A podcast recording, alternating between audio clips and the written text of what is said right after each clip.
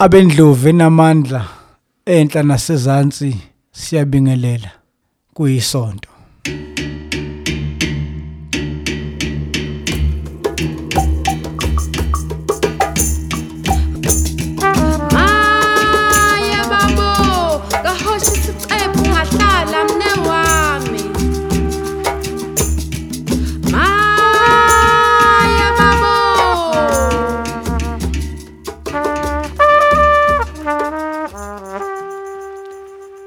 Namhla njengokujwayelekile sisuke sibuyekeza indaba zesonto kanjalo nalezo ezithe zabikwa kwelabohlanga. Ngokwepolitiki yaseningizimu Afrika nomnotho isonto esiphuma kulo libe isonto elinzima kakhulu. Okokuqala nje iqembu elibusayo liphindela yininda mangisho liphindela yininda ingoba cishe wonke amasonto manje sesifunda ngeyigemegeme ezenzeka kuleli qembu. Okuyinto ke engeyinhle ngoba kwenza lingathembeki kubantu kwenza libukeke njengeqembu elingenawo amandla okulungisa izinkinga zalo. Eh umbuzo usithi ke manxa uhlulwa ukulungisa izinkinga zakho zona ezezwe. Uyiqala kanjani? Lukhona kodaba olukhuluma ngale gemegeme zeqembu elibusayo. Esokugcina ke nesishaqise abaningi abalandela ipolitiki leso sohambo lwabakhongi balenhlangano abebeholwa ngunobhala jikelele umnomzane uAce Magashule ngithi abakhongi ngoba bebethunywe umengameli. Weqembu nongumongameli wezwe ukuthi ake bayobhula umlilo le eZimbabwe. Nembala bayile kwabulawayo. Indaba ke yenzeka uma sekuba nemibuzo umbuzo oqala ukuthi njengoba sifa nje sivalelwe engabe bona badla mthimuni owazi ukuthi bakwazi ukuya kwabulawayo eh kulunokhuvethe bangayihlali insuku akade bethi asihlale thina manxa sihamba sihambela indawo okwesibili ungani kuthanga lokho bekubika ukuthi amabhanoyi kawaphumi ngakho belo ngoba sibhekene nokhuvethe asevelaphi lawa sekwazi ukuqubula abantu bakakhongolo sekuphela asibasuse lapha egula zawo babeka kwabulawayo sithe sayibuza leyo mbuzo kwase kuqhamuka impendulo ukuthi cha bacela nje ukuthi bathwale inqola yezo yezempi yombutho wezempi waseningizimu Afrika ngoba ungqongqoshe wayo nayo beyangala beya ngakhona. Esimeni ke sejwayelekile hayi umuntu phela uyacela ukuthi acele noma ukuthwalwa aye kuleyo ndawo kakhulukazi kume ukukhuluma okukhulu kangaka okukhuluma ngodaba lokuletha ukuthula eZimbabwe. Nokho umthetho awukuvumi lokho. Baphula imithetho kabili. Kokuqala baphule umthetho ophathelene nokhuvethe owashawa yili qembu libusayo nohulumeni walo ukuthi uma uhambela kwelinye izwe oqala zikho into zokuhamba ungayi. Okwesibili manxa uyile ngezizathu ezithize kufuneka phela bese ufika kulelo zwe uhlala izinsuku mhlawumbe ezithize uthi ukugoya ukuze ungasibi ungangeni nomkhuhlane. Lokhu ke sesingaqinisekisa ukuthi akwenzekanga ngoba ezake lapha kithi ingene nje zabuye zabuya. Sesizwa ke sekusho bona ukuthi hayi bathe mase bebuya base bayogoya sizwa ngabo. Akwenzekanga kodwa okokuqala. Okwesibili iqembu noma nabantu abaphethe uhulumeni alivumelekile ukuthi lisebenzise eh insiza zombuso ukuthi zenze izinto zeqembu. Kuyacaca ukuthi bebengayile njengohulumeni waseNingizimu Afrika bebeye njengeqembu elibusayo. Kusho bona futhi estatementini sabo ukuthi baya ngoba banobuhlobo obudala neqembu elibusayo eZimbabwe. Ngamafuphi akukho ukuphika ukuthi bebehamba nje beya kubantu abazana nabo eh hayi ngoba benguhulumeni. Nayo ke indaba lapho isixaka khona nabohlanga ngithe laba ngabameli. Ngathi umnumzana obathumile umfoka Samuel umnumzana uCyril Ramaphosa sesimangala ke manxa esethi yena zivele indaba ngolosihlanu ukuthi baphumile akade bethunywe uye baye eZimbabwe usethi yena kube nophenyo ukuthi baphume kanjani. Sesiyadideka ukuthi aw kanti bebethunywe ubani mengameli? Nokuthi unganuwo obuthe azingagitshelwa ikhwelwe indiza ubuthi bazohamba ngani? Yiko ngithi ke umengameli usididile kodwa ke ngoba indoda egcina ifikile izochaza noma kuthatha isikhathi nakuloko sithemba ukuthi uzokathi ukuchaza ukuthi empeleni usho ukuthini. Okunye kuyininda ukuxabana kwamalunga kakhongolose lapha emgungundlovu ngokweinhlaka zeqembu bakubiza ukuthi ke isiyingi ekuthiwa iMoses Mabhida.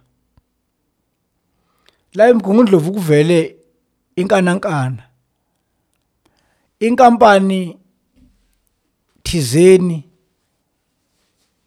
yendodakazi yomholi osesishamthetho umnomzane uXulu icoshe ngethenda igidi themi siyitholile kwase kuba khona abakhalayo bethi awu inkampani yayo ibibe semthethweni nje akuphelanga kupheli nenyanga kodwa isicosha igidi bekuyimpi ke leyo bivamile uma abantu beyofuna imisebenzi bayaxabana athi omunye ubengenza kangcono eh nomunye athi bengenza kangcono kuqale kunjalo. Indaba ke noma ngithi nje amanzi asa abesedungwa ukuthi indodakazi le yakwaXulu uyise yilungu lesishamthetho kwaZulu Natal neliphinda abe yilungu likakhongolose elibambe isikhundla esibucayi sokuzama ukuthunga izimpi ezikhona eqenjini kuleya ndawo yaseMoses Mabhida. Hayi ke abangamzwa kahle abahlala ngaphansi bahlala phezulu kwakhe ucabhashe bemnuka ukuthi lengane ixosha nje ingoba eh nguye okhona eduze kwayo. Naye ke ucabhashe akathulanga. Ubese phosa ukuthi cha empeleni impa ibhekile enganeni yakhe iza kuye ngqo. Impi nje amazondo egceke kubanga ukuthi ukulesikhundla esikhona eqembini. Ngithi kuyininda lokhu ngoba njengoba bexabana nje abakhongolose kubanga uyivenge leli kuzophazamisa ukusebenza kwabo. Ngamafuphi helinjani leli qembu? Wonke amasonto abantu balo benza amaphutha awubula ngoba asikho esinye isidingo salezi njengoba ngisho nje besingeke isidingo sokuthi abantu bakhongolose baye eZimbabwe bephula umthetho. Bezikhona ezinye indlela abangaqhamuka nazo. Zilaleleke ngoba sonke siyakufisa ukuthi kube nokuthula le eZimbabwe. Kodwa ke akubona bodwa bakhongolosa abasobishini ngoba yize ingaqondene naye ngqo. Kodwa imeya yasenkandla umnomzana uNtuli naye impela kubukeka zimlandela ngesonto ledlule elabohlanga libike ngokuthi kunodaba lwestatement esifungelwe esibhalwe ngumsebenzi walapho kuphuma khona amapheshana achaza ngokudlula komuntu emhlabeni. Eh kwakuqala kwakuthiwa kwandaba zabantu abadala bayazi kwakuthiwa kwandaba zabantu manje sekumnyango wezasekhaya. Ukuthi manxa kukhona ilungu lomndeni elihambile emhlabeni bese bona bekhipha ke incwadi esho ukuthi cha izathu zibili. Le ncwadi isebenziswe into eziningi okokuqala yiye ekhipha isidumbu emakhazeni noma esibhedlela ukuthi hayi impela kasekho. Labo ke abasuke bedlala eh omasingcwabisana noma imshwalense bacosha ngayo le ncwadi ngoba ezi ezizathwini ezivelayo zokuthi umuntu uhambe kanjani zikhona engenza umshwalense ukhokhe noma ungakhokhi. Kungenzeka ukuthi hayi kuthiwa ngesikhokhela ngoba lapha uzenzile noma cha kube ingozi imqoka ke leyo ncwadi ukulungisa lezo zimo. Kuvele ke ukuthi ngestatement esifungelwe emaphoyiseni umnomzana uNtuli oyimeya yasenkandla wayehamba nenkosikazi thizeni bezolanda lesitifiketi somfowabo ngoba umfowabo lo ngokuvela kobufakazi owalimala washa nendlu.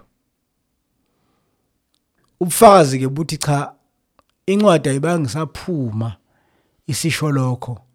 Yabe sithi cha uhambe nje ngokwemvelo. Futhi awukho kumlimazile nje uhambe kahle hambela ekhaya. Okungamanga ke bu ngoba iqiniso lo dokotela lithi cha ayekhona amanxeba eh okusha.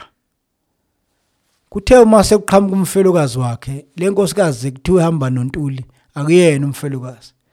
Uma umfelokazi seyofuna indaba zendoda yakhe useyabanje ukuthi cha engathi senikhuluma into engafani nale ebhalwe la kwase kuba nophenyo ke kwenzeka into ebhlungu kunoma emuphi umndeni ukuthi athi umuntu esolondoloziwe bese phinde yombiwa futhi kubhekwe ubufakazi obuthize.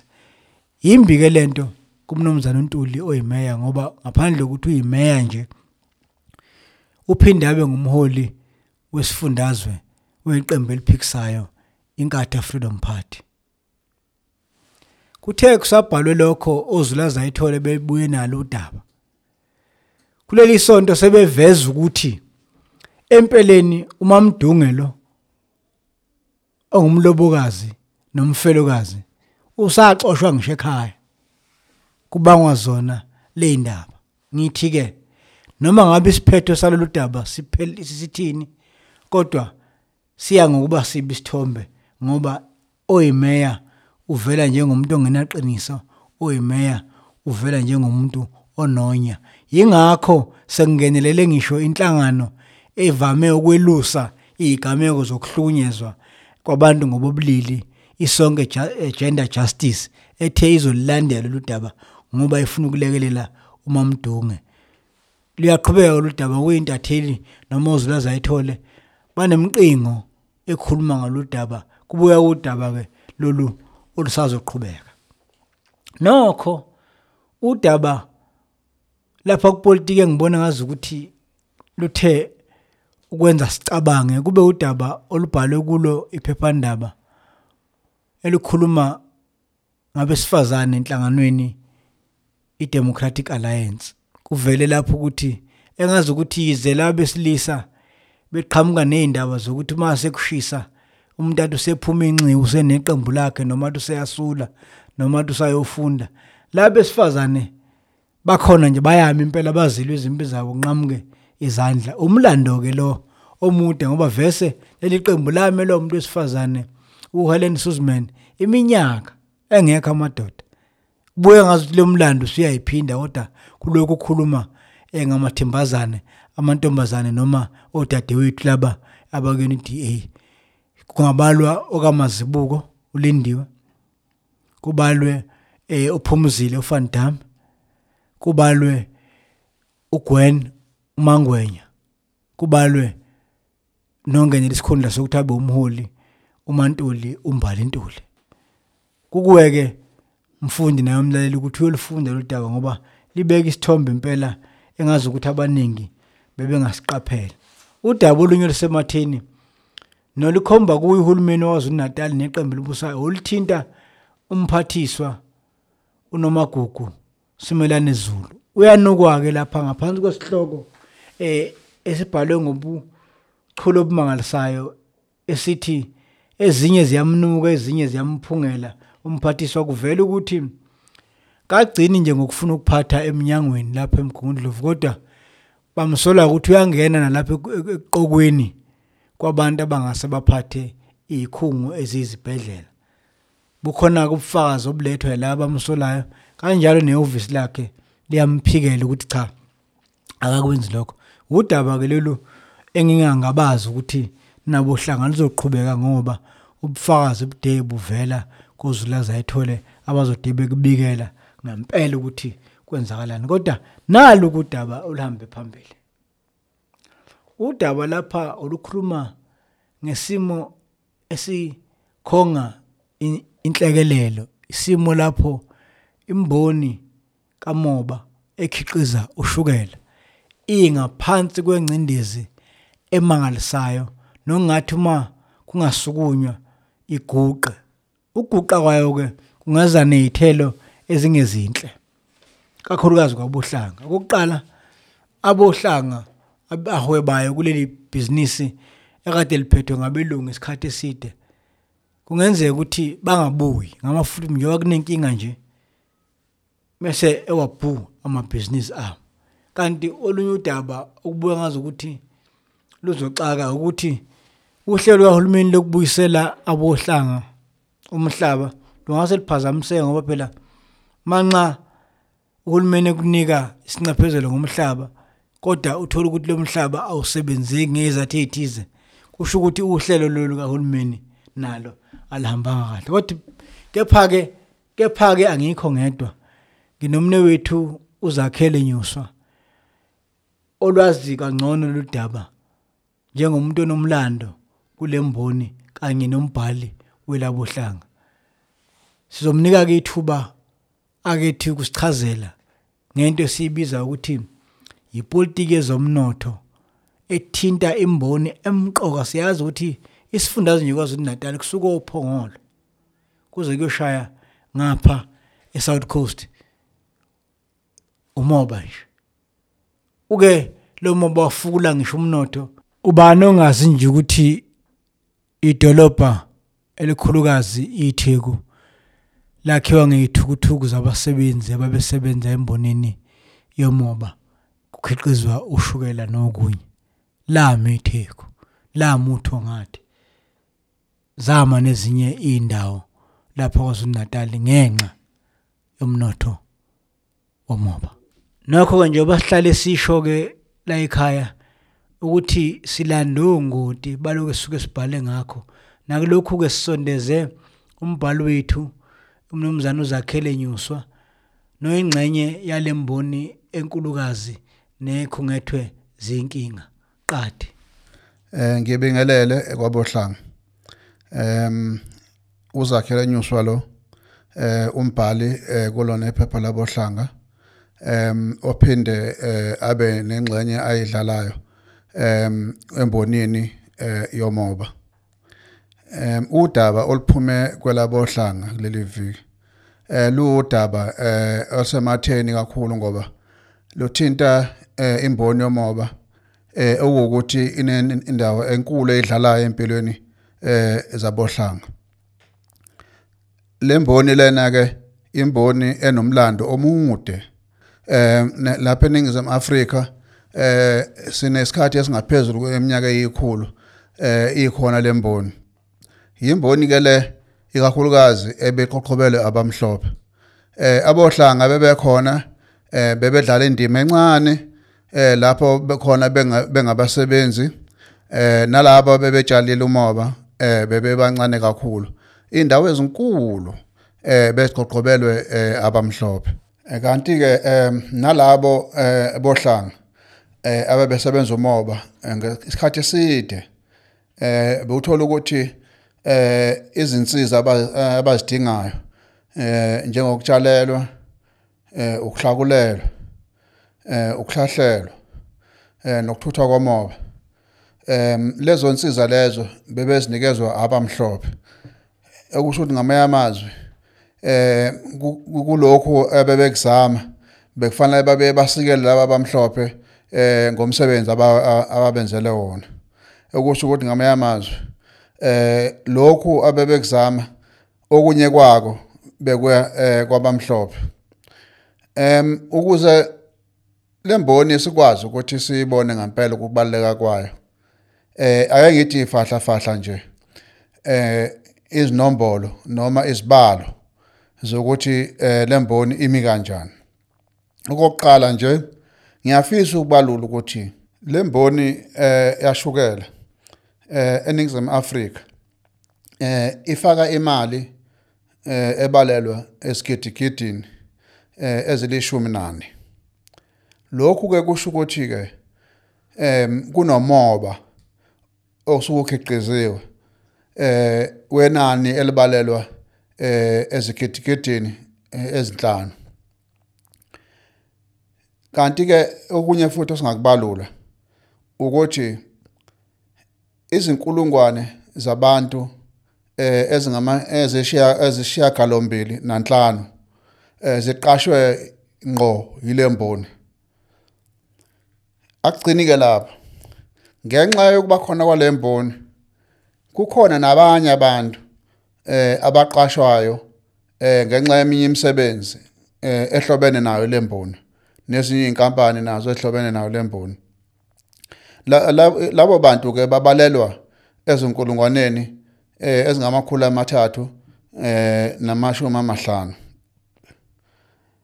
Sidlule ke lapho eh siphinde sibalule futhi ukuthi em abantu abahlomulayo ngenxa yokuqashwa kwalabantu esengibabalile eh emkhakheni emibili laba abaqashwe ngqo nalabo abaqashwe ngenxa eh yezinto ezenziwayo ezihlobene nalemboni eh, yomoba. Eh uma thatha nje ngokuthi umuntu oyedwa oqashiwe unabantu abayisithupha ekokuthi uyabanakekela.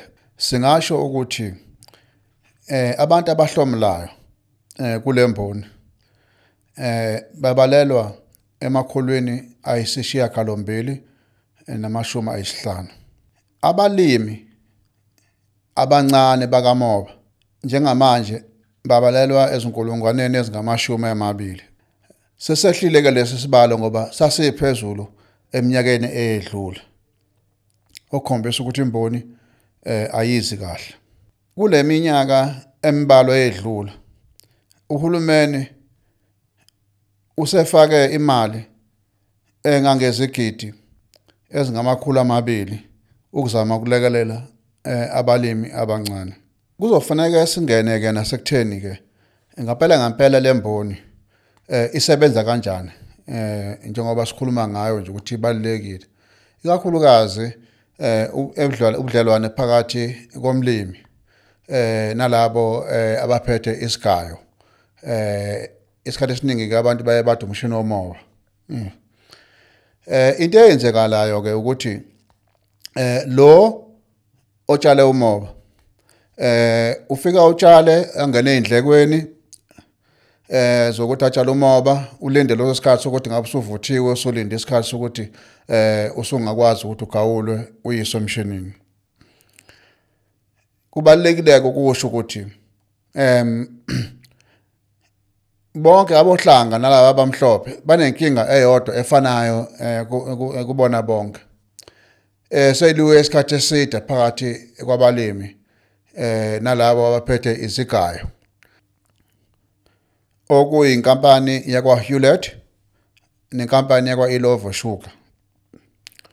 Into ebangwayo lapha ukuthi njengoba umlimi ehambisa umaba wakhe emshinini. Ngokwesivumelwano esihambisana nomthetho we-South African Sugar Act eyashawa kudala umlimi uhlomula kuphela ngokuthi ungakanani ushukela otholakala emobeni wakhe. Abangakwazi abaningi ukuthi kunemikhiqizo eminingi ephuma emobeni. Inkampani lezi ezinesigayo eh zakha lemkhiqizo efana nelipstick efana nogoloko efana namanye amakhemikhali amaningi asetshenziswa en- ekwakheni e- e- e- emafemini nasekwakheni kwezinto eziningi.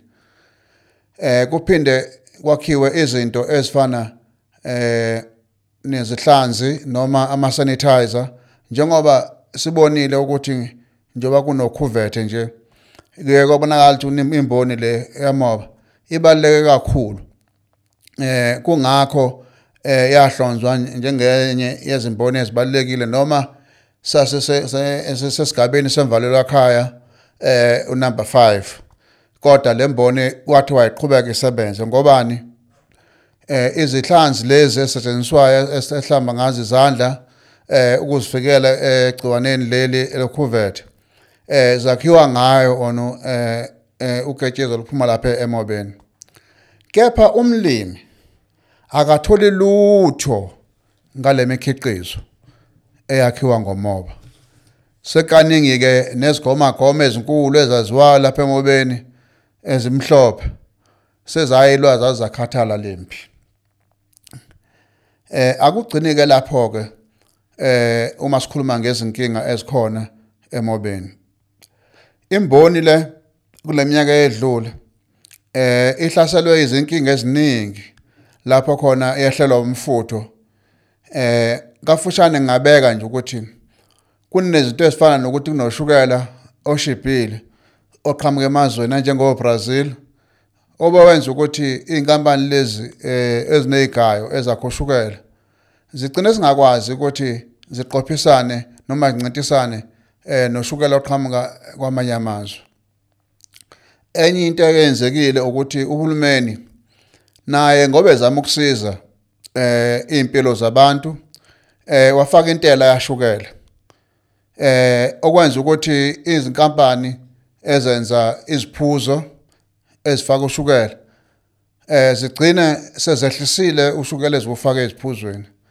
Lokho kusho ukuthi ushukela eziwudingayo neziwuthengayo kulezi inkampani ezakho ushukela zaseningizimu Afrika eh sekuyehla lokho ke ngeke kungabe nomthelela ngoba uma kukuthi kuyehla ukuthengwa komkhiqizo wakho kuzohlehla. Lokho kube nomthelela kuwo wonke umuntu abasebenzi inzuzo yakho eh kuhlehla kuye nakulabo eh abakunika eh into owenza ngayo njengakulemboni eh abantu bomoba. Eh kwagcina ke intengo kashukela eh seyehla. Kwadala inkinga eziningi lokho. Kuthe kusuka eh kwaba nenkinga enkulu ukuthi inkampani ehlonishwa kakhulu nenkulukazi eh kulemboni kashukela akuthongathi Hewlett waba nezinkinga ezinkulu eh ngonyaka odlula. Kwagcina esephoqeleka ukuthi eh adilize abantu abaningi balahlekelwa imisebenzi lokho futhi kwachaphazela eh nabalimi abakhona ukuthi eh uma uma babo bafaka ngaphansi eh, kwezigayo zika Hewlett kuthe kusabhekwa lokho kulonyaka iyona futhi leyo company uHewlett yasithola kufanele eh ivale isigayo sasedanala eh okusho ukuthi imisebenzi yabantu ababalele emakhulwini eh, amane yaba sengcupheni nabalimi abancane abafakele leso sigayo nabo bayithola besenkingeni manje ngoba sekufanele uma wabo umoba wabo bawufake esigayeni esikude nabo. Lokho kwandisa izindleko. Okulandele lapho ukuthi kungene ukhuvethe njengoba sazi sonke ukuthi umhlaba wonke ubhekene nenkinga yokhuvethe. Yize noma lemboni kwathi wayiqhubeka nokusebenza eh noma ukuthi kunemvalelo ekhaya kodwa kwakulukhuni ukusebenza eh ngesikhathi sekhuvethe kulukhuni kakhulu ngoba eh abanye babasebenzi eh abakulemboni eh bangabantu abahlala eh kwezinye izifundazwe njengasempuma koloni. Ngesikhathi ke ungakwazi ukuthi kuhambeke eh ukusuka kwesinye isifundazwe kwesinye kwasho ukuthi abanye baba bakwazi ukuthi babele emsebenzini. Okusho ukuthi sefanele manje kuzanywa abanye abantu eh abazoqhubeka nomsebenzi lona. Kuthe kusabhekwe lokho ukuthi hayi imboni yazama yaqhugela yapha iyaphambili. Endaweni esogwini eh esoningizimu ngakuzona kwaZulu Natal kwaqala inkinga yokuthi umshini osemzimkhulu eh ngasesayidi eh inkampani yayilova kuyiyona engabanikazi baleso sikayo. Athatha isinqumo sokuthi ngenxa yezindleko eziphezulu eh zokuthi kusebenze leyo mshini eh uzovala lo mshini. Ngakho ke bonke abalimi abafakela lo mshini kufanele umoba wabo bawukhuphule bayise esezela eh ngasendaweni eh engaphansi komdoni umasipala. Lokho kwandisa inani labalimi abafakela umshini owodwa. Kwaba khona ke imihlangano ekhona yokuthi kukhulunywe ngokuthi eh ungabe mhlambe sizokwazi yini lesi sigayo ukuthi sibhakane nabalimi ukuthi inani labo selandile? Hayi inkampani kwayilova yathembisa ucha nangempela eh sizokwazi lesi sigayo ukuthi umsimalane nalomsebenzi osewandile. Kepha sekuwumlando manje ongemnandi ukuthi abaningi abalimi eh bakhala ngokuthi lo mshini eh ubonakala eh usi- usindwa umthamo efanele ubhekane nawo. Sekaningi kubika ukuthi usamile uyalungiswa. Eh okwenza ukuthi ukuhamba uhamba kwamoba eh ukungena kwamoba kuhambe kancane.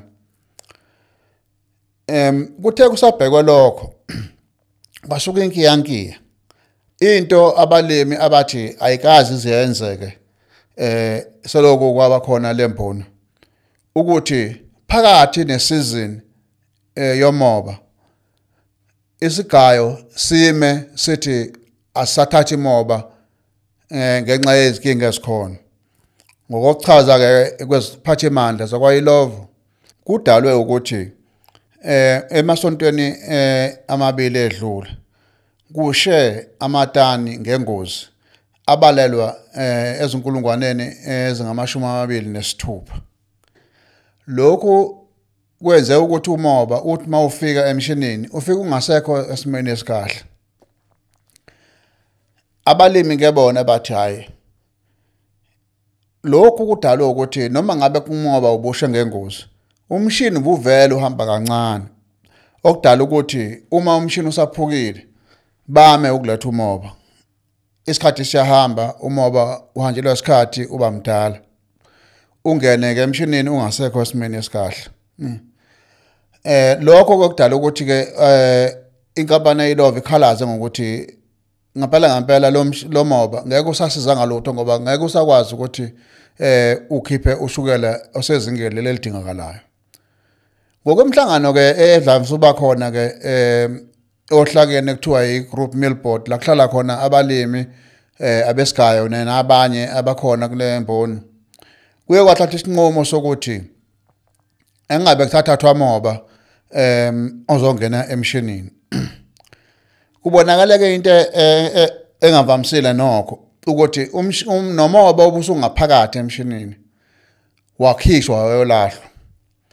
Lo ke vele ini ilove kufanele ibakhophe khokhele ku- kucacile vele kulula ngoba usuke usudlulile la ukalwa khona esangweni lakwayilove la zima khona emthumeni manje.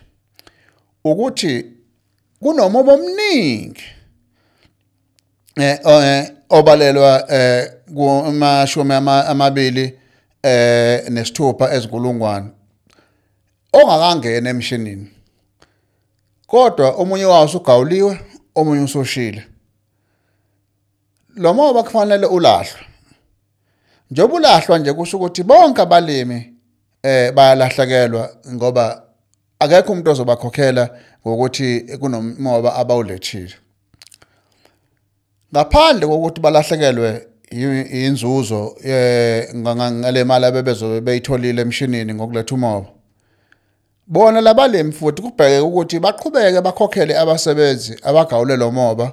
Bakhokhele izinkampani ezidonse lo moba ngogandaganda bakhokhele amaloli lawa asuke ebebehambisile eh, wagcina ungasangenanga. Emshinini. Akugcini ke lapho eh nina bohlanga. Enye inkinga ekhona kulento ukuthi uma uwumlimi uyawusebenza umoba inyanga mhlambe eziyishumi nambili kuya phezulu ukuze uzulungele ukuthi uye emshinini. Yindleko lezo ufanele ungene kuzona. Omanyolo eh eh okokubulala ukhula eh nokunye nokunye. Ngoba uthemba ukuthi uma sengena emshinini eh, khona imali oyitholayo uzokwazi ukubuyisa lezi indleko zakho uthole nenzuzo eh ukuthi ukwazi ukuthi uxoshe ikade eziko. Kulabo abanamabhizinisi basuke befuna inzuzo ebhekile ukuze ibhizinisi lisimame. Uma ke sekuthiwa umoba wakho uyalahlwa lokho sek- sekusho ukuthi imali obuyisebenzisile ukuthi ulungise lo moba ngeke usayithola. Kuphinde ngagcini lapho uma usafuna ukuthi lo moba wakho ngonyaka la ozayo ukwazi ukuthi uyongena emshinini usesimeni esifanele. Kuphane fanele futhi uphinde ushaye iphakethe. Ulungise njengoba kade ulungisile kuze kufike esikhathini samanje. Usulungisa ngemali ongenayo ocaca ukuthi kufanele lo mali uyiboleka nobone ukuthi uthatha konaye obuyibekele ezinye izinto. Kuyakhinyabeza ke ibhizinisi lokhu khunyabeza nalabo eh, okuwukuthi eh ibhizinisi lelomoba eh babeka ngalo eh iphalish etafuleni. Enye inkinga khona ukuthi uhulumeni njengoba eh ngike ngasho ukuthi unemali ayifakile em ukulekelela abalimi abancane.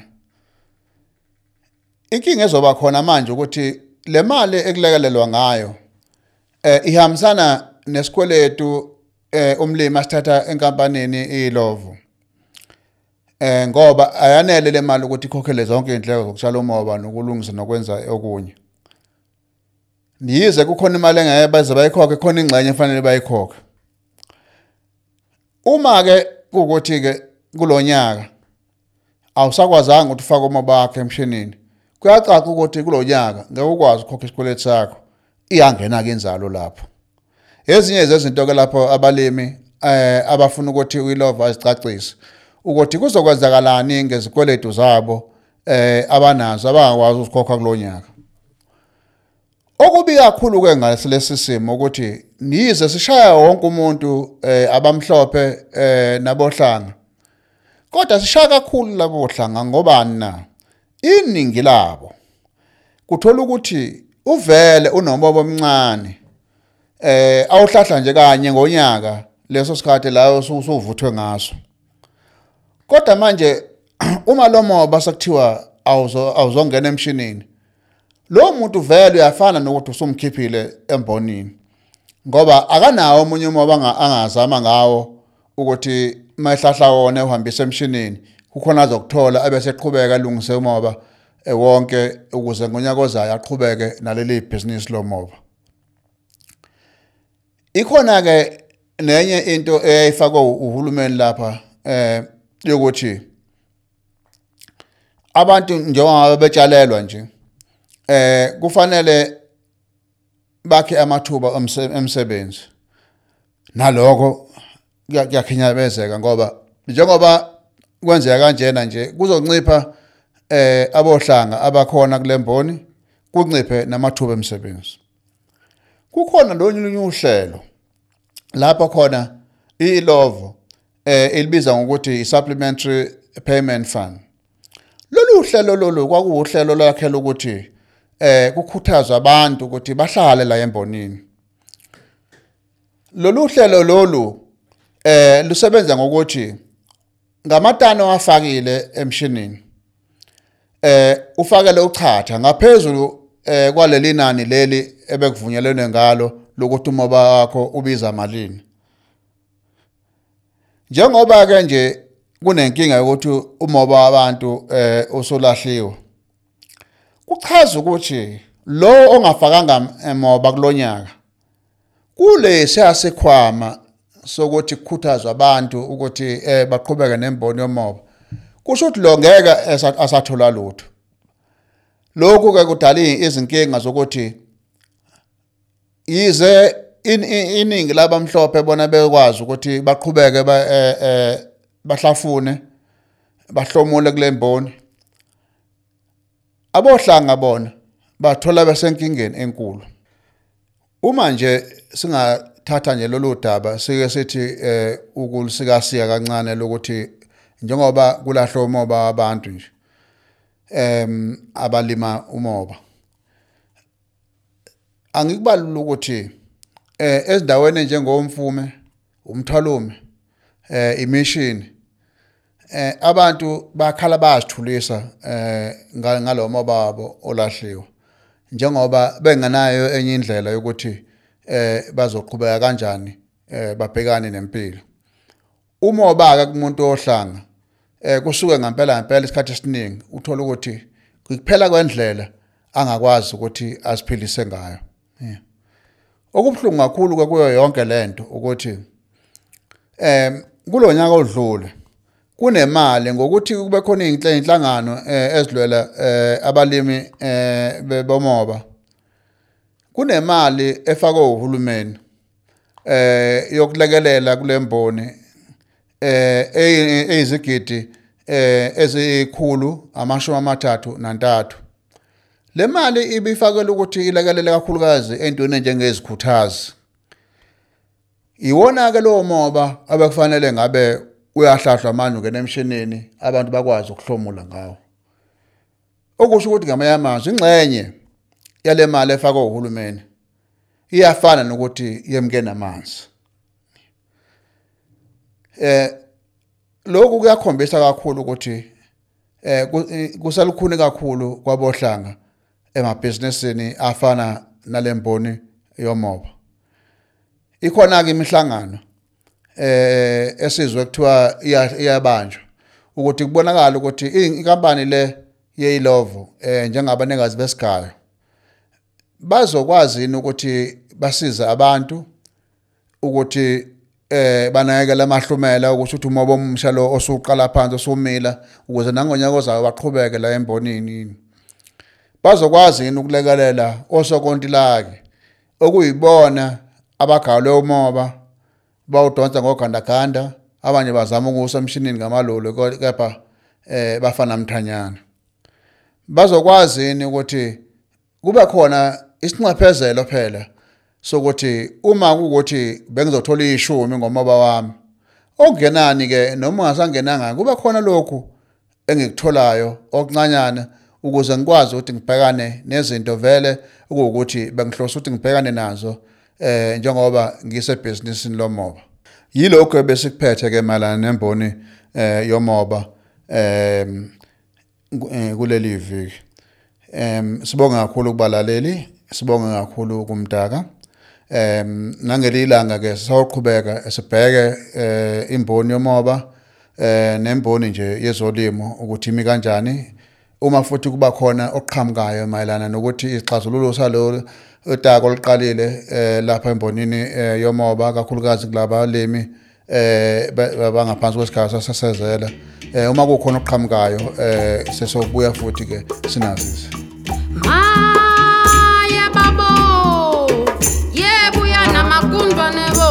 Yiyani nabohlanga? Impela zinoju. Njengoba sike sasho sathi cha siyikhuluma nje lapha ziyatholakala ngisho ephephandabeni lakho ibayede lapho zikunika sonke isithombe siphelele. Ungathola ke lakho ezitolo zangakini ukuze nawe ufunde uthole ingqikithi. Sithokoza kakhulu kubo bonke abalaleli kanye nabafundi belabohlanga. Siphinde sithokoze kakhulu nakubahlobo bethu umsakazo wakwanongoma okuwumsakazo ohamba phambili lapha kwelendlovukazi umthaniya. Sinibonga nanonke mphakathi enithe nathatha isikhathi senu ukuthi nilalele lapho khona sithola ingqikithi sikhuluma isimo sepolitiki nese- ne- ne- nepolitiki yesimo mazwe. Kanjalo nomnotho ngolimi lwakho ngoba siyakholwa ukuthi nawe njengesakhamuzi kufuneka ube uyingxenye yokubuswa kwakho akuphinde-ke sihlangane ngesonto elizayo nayilapho sobe sibuka khona isimo sezwe nalezo yindaba ey'the zaba nohlonze kwiphephandaba ibayede siyathokoza Maya babo. Kahosha isiqephu ngahlala mne wami.